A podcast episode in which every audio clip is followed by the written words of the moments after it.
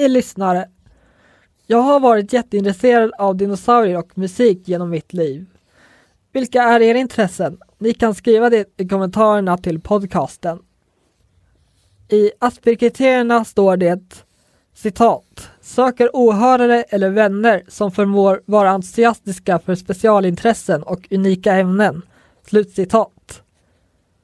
När jag var fyra år gammal började jag att intressera mig för dinosaurier. Jag ville även bli paleontolog och gräva upp kvarlämningar av dem. Jag kunde prata oavbrutet i flera timmar ända tills dagisfröknarna sa till mig att sluta. Dessutom läste jag mycket om dinosaurier från faktaböcker och såg mycket på dokumentärserien Walking with Dinosaurs eller Dinosauriernas tid som den heter på svenska av BBC. Jag kunde även mängder av namn på latin samt spendera mycket tid på Naturhistoriska riksmuseet. Citat. Det som kännetecknar ett specialintresse är intressets omfattning och intensitet. Omgivningen kan uppleva det som att personen blir fixerad eller insnöad. Slutcitat. Specialintresse kan vara sådant som anses vara udda, tågtider och telefonkataloger. Men även djur och sport.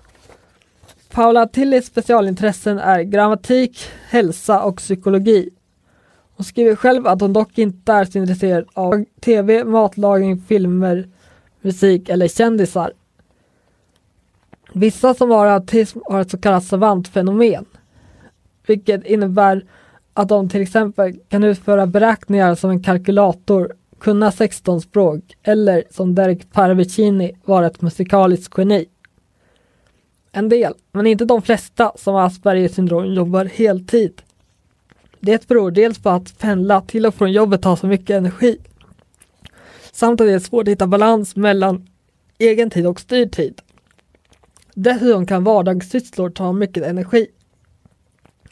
Om man har Aspergers syndrom kan det vara jobbigt att umgås med andra, men de flesta vill ändå göra det. Då kan man gå med i en språkkurs, en bokcirkel eller en kyrkogrupp. Man kan prova en aktivitet många gånger innan man bestämmer sig att den verkligen passar en. Däremot så kan det vara bra att ha planer för vad man ska göra på sin fria tid för att det ska bli lättare. För det kan lätt bli ensamt i skolan under raster och på fikaraster på jobbet eftersom att det sociala samspelet blir svårare. Däremot är det många som tittar på dokusåpor för att förstå sociala relationer. Det är bra att hitta ett arbete som stämmer överens med ens intressen.